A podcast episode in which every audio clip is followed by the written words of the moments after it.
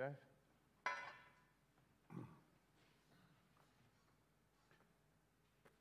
Well, we start a new series today as we lead up to Christmas, and the title of this sermon is Born to Die in Order to Live. We've all heard the words, haven't we? The chosen one, or, or the chosen king, or he was destined for greatness.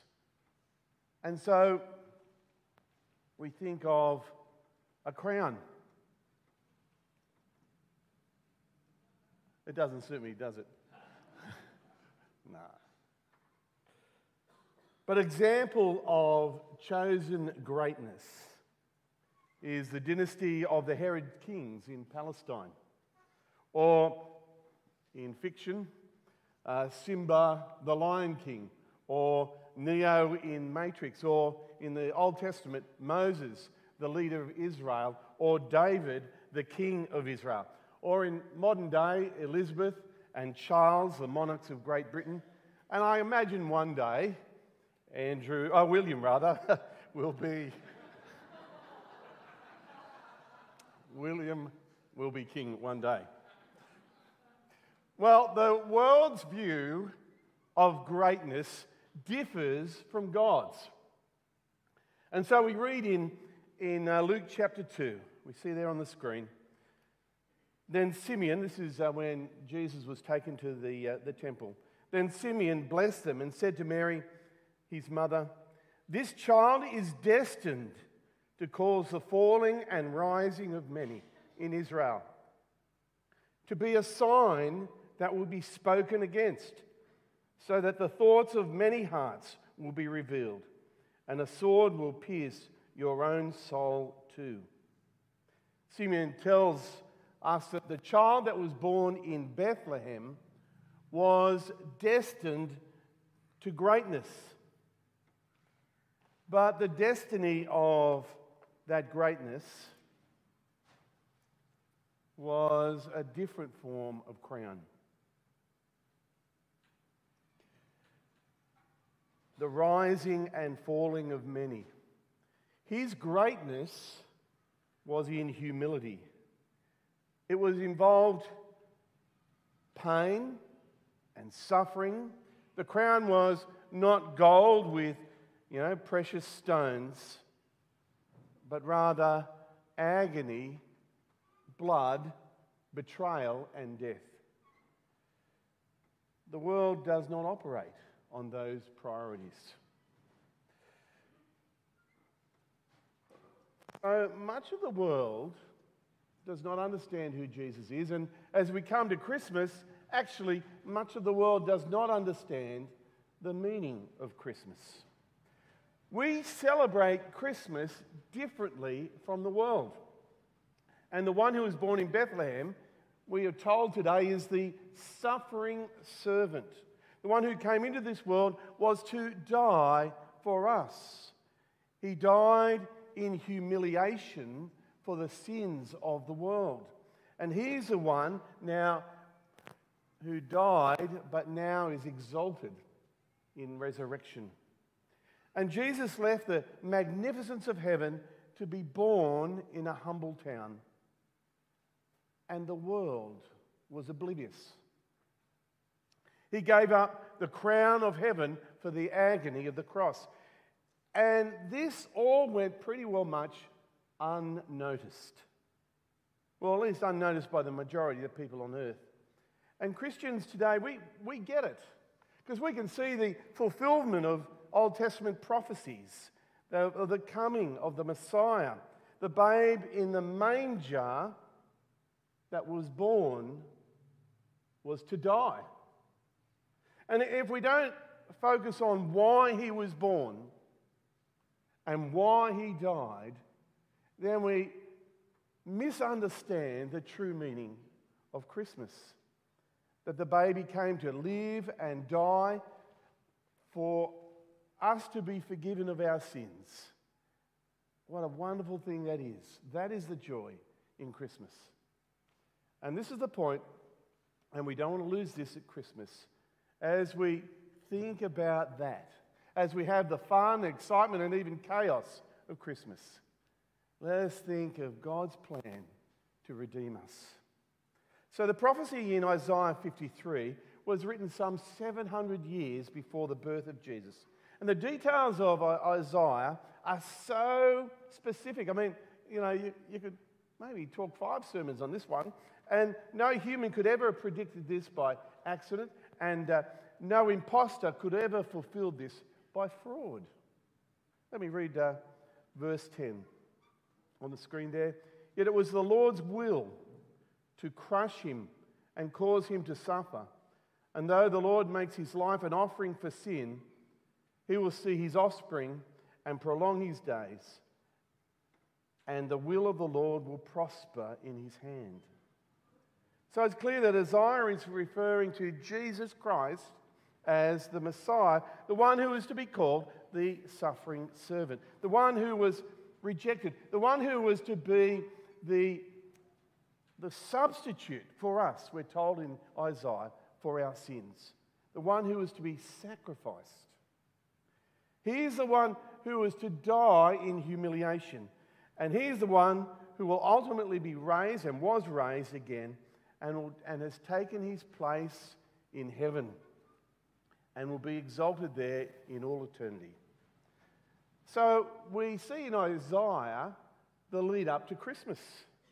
And it's appropriate then we focus on born, which we get for Christmas, but born to die. And get this, what Isaiah tells us, with the rejection of Jesus. You see, Jesus left the magnificence of heaven and was born in humble circumstances in, a backwater town in Israel. And he did this as the world was oblivious to him. Jesus traded the throne of heaven for the manger in Bethlehem.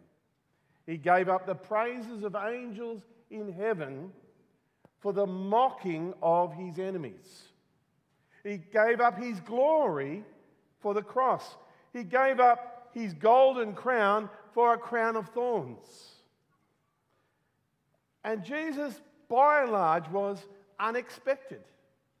Centuries had gone by, and, and there was no prophet, there was no word from God for 400 years until John the Baptist turned up.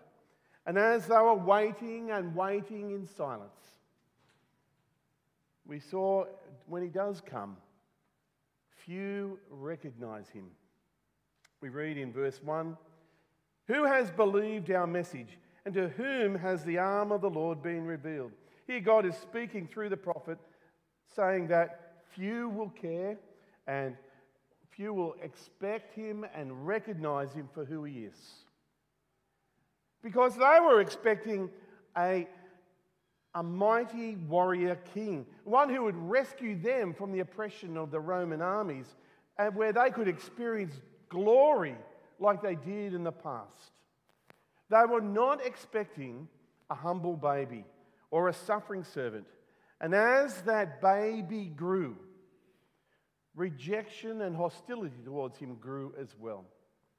We read in uh, John 1 the true light that gives light to everyone was coming into the world.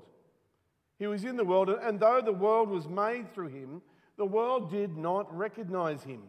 He came to that which was his own, but his own did not receive him. And even though the, the prophets had told over and over again to the people, the people most likely to receive him are oblivious or reject him. They just weren't ready for Jesus. Their hearts were hard, their, their deeds were done in darkness. They were full of selfishness and pride. And he was crucified by the people who should have known better. He was deserted by his own friends, his disciples. And all this, we're told, is part of God's rescue plan to deliver us from the, the punishment of sin. And so, this is a reason to celebrate Christmas. And Jesus' birth and death, we see, all comes to be unexpected by the people. And what a tragedy in Isaiah we see. God's word was spoken very clearly, but they did not hear. They rejected the salvation that was offered to them. They were watching for a Messiah to come in a way that he wasn't foretold. They made up their own Messiah. And so we read in verse 2 He grew up before him like a tender shoot and like a root out of dry ground. He had no beauty or majesty to attract us to him, nothing in his appearance that we should desire him. Jesus looked unimpressive to the world, in particular in his appearance. Even in his own hometown, they were astonished by his teaching, yes, but they rejected him. They, they see him as an unimpressive carpenter's son. They knew his family well. He was a nobody like them. And yet we see this is all part of God's plan. Why do you think God planned Jesus to be ordinary in appearance? Hey, today we uh, the right look, the right branding, it can draw a lot of people. But um, Jesus' life and ministry was the more important thing. And today we can overlook that principle when we uh, look in the wrong places. Uh, not the glamorous shot of the wind blowing through someone's hair. Was, Jesus was no model material on the cover of a glossy fashion magazine. Jesus was unwanted as well. And I guess this is the, uh, the one that breaks my heart the most. God's idea of the Messiah didn't match up with the idea that what people were wanting. So Jesus was not only rejected, we're told in Isaiah and in the Gospels, but he was despised and hated by many. Isaiah 53 3. He was despised and rejected by mankind, a man of suffering and familiar with pain. Like one from whom people hide their faces, he was despised and we held him in low esteem. This is a Savior of the world. Oh, but we've got to understand what sort of Savior He is. He's able to relate to us in every way. He experienced enormous sorrow, particularly when He wept over Jerusalem. And there was such tenderness and compassion in the Lord when He gathered them together to protect them. And tragically, they were unwilling to receive Him. And the same can be said today of people today. We want Jesus on our own terms. Well, it's okay with Jesus in the manger, but not on a throne. Uh, uh, I don't mind a Saviour who forgives, but we balk at the idea of a king who rules over us and we submit to him. Jesus was unwanted by the world then, and he's unwanted by the world today.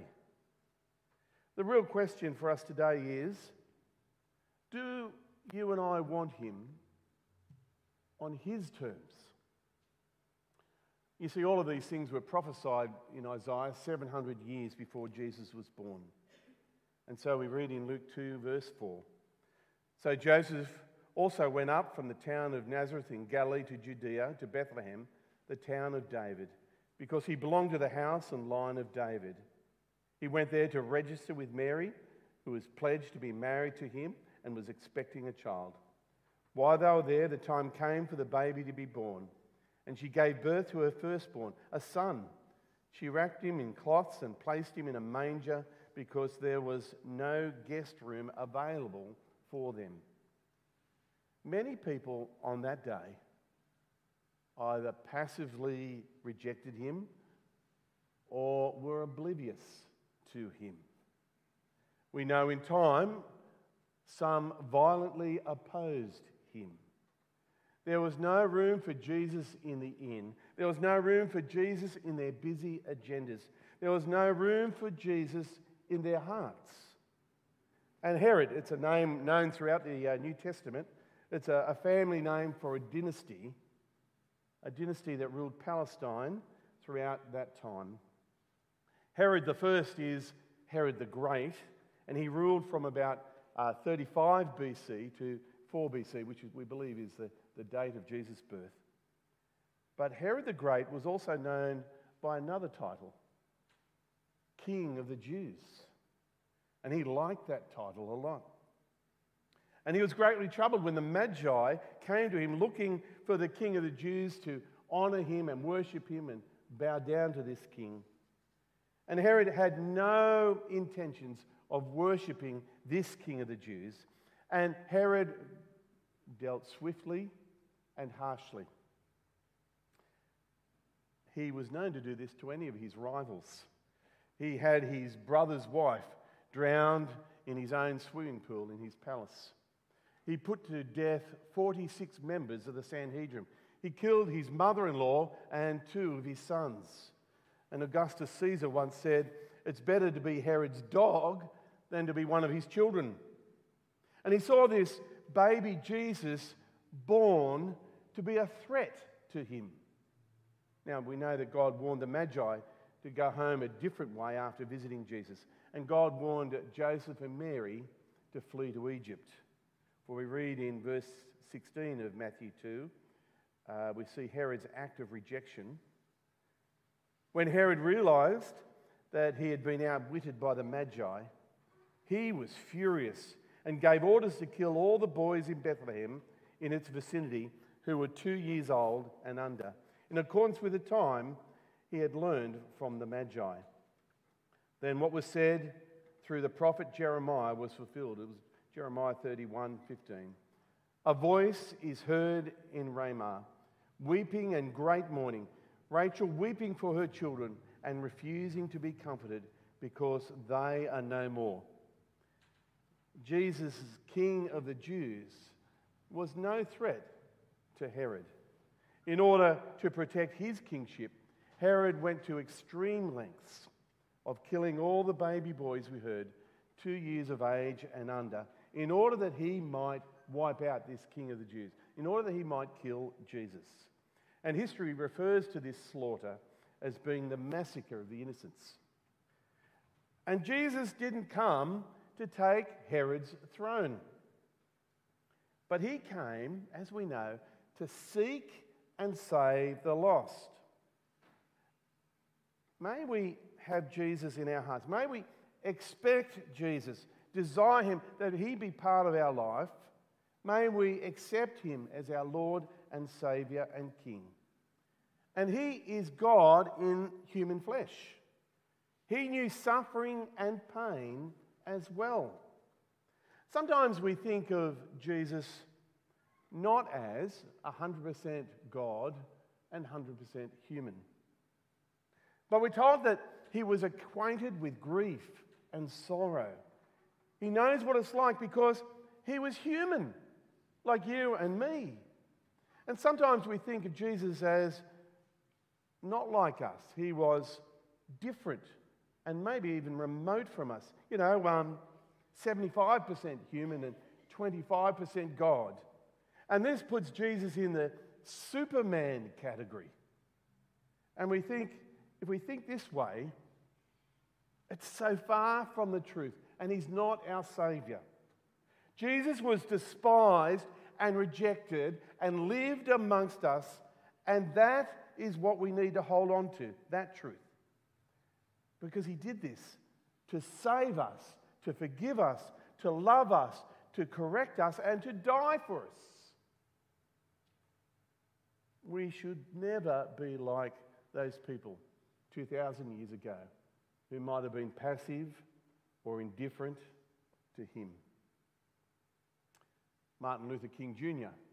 in the 1960s sums up, I think, the attitude we have in life, the attitude Jesus has in serving.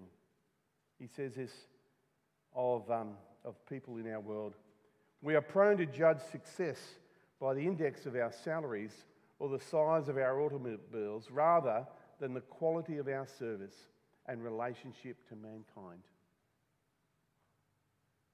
What do you yearn for in life? What is your focus as we come into Christmas this year. The way the world wants to see and celebrate Christmas in their own way. The world's crown of glory, the, the, the glitter that comes with Christmas. But rather, it's a crown of thorns who comes to save us. So, friends, we've got to keep that in mind always. Jesus came to live, uh, to die, in order for us to live. And uh, that is the, the Messiah who was promised long ago. And that is the one we celebrate as we come into Christmas. Let's pray. We thank you, Heavenly Father, that Jesus became human for us.